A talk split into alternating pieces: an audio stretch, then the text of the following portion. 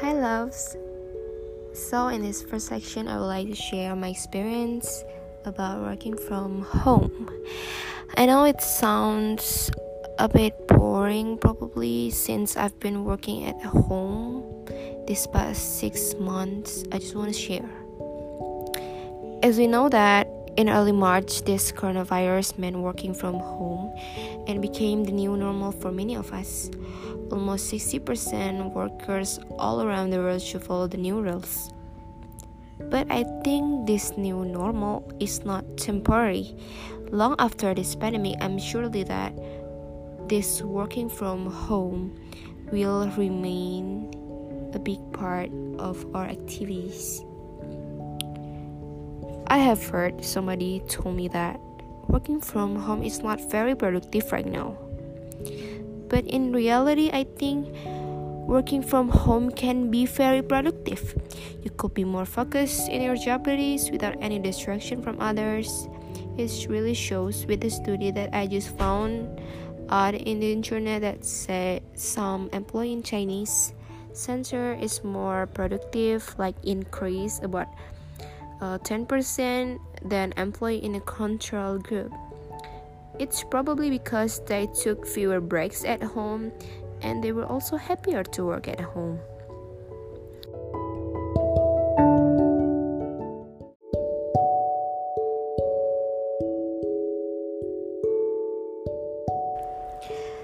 As an ambivert, actually, I have nothing wrong with working from home I cannot really complain though because working in my comfort zone literally I can work with my pajamas on, I can work without having a shower first, I can cuddle with my cat in a break time, I can eat my snacks peacefully, I can stop to be pretend to listening all the dramas.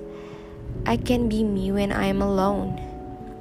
And moreover, uh, I save a lot of money since work from home being applied.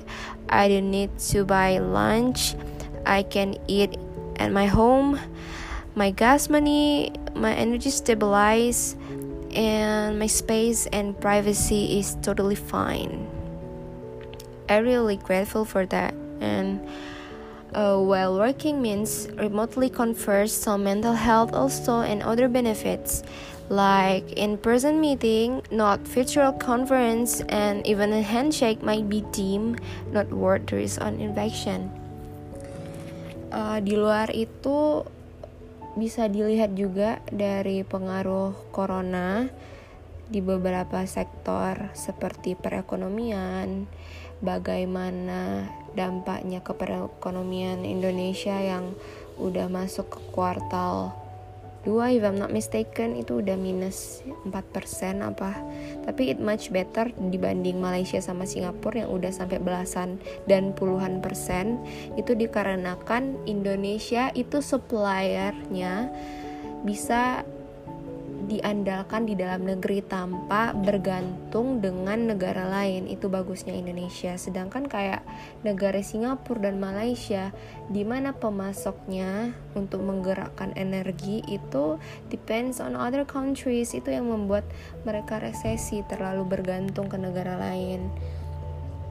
Kayak pariwisata aja deh pariwisata di Malaysia kayak Genting Highland di Singapura Universal Studio. Kan itu udah nggak ada orang lagi yang ke sana jadi mungkin ada pengaruh dengan devisa dan juga di Singapura itu bagaimana dijadiin negara perantara dia dia kayak surfing melayani jasa dengan cara memfasilitasi perkapal-kapalan untuk sektor perdagangan antar negara sejenis itu ya begitulah. Dia sektor ekonomi kena udah banyak juga di Indonesia sekarang pemutihan yang di PHK teman-teman aku banyak di PHK karena pabrik tutup terus kekurangan eh terus uh, permintaan masyarakat berkurang akhirnya menjurus ke, ke ke pengurangan karyawan. Jadi udah kayak berkesinambungan gitu semuanya daya daya beli masyarakat turun dan segala macam jadi buat saat ini sih menurut aku selagi WFH aku ada saving money buat invest mau beli emas cuma harga emas kebetulan masih naik mau beli emas atau kalau bisa sih beli tanah ya cuma duitnya belum cukup juga pokoknya lari ke aset deh invest you need to invest your money. Jangan royal-royal dulu ditahan dulu. Hasratnya untuk belanja ini itu yang nggak penting tahan dulu. Untuk bertahan hidup di resesi ini. Terus itu aja deh kayaknya. Buat sementara ini. See you in the next section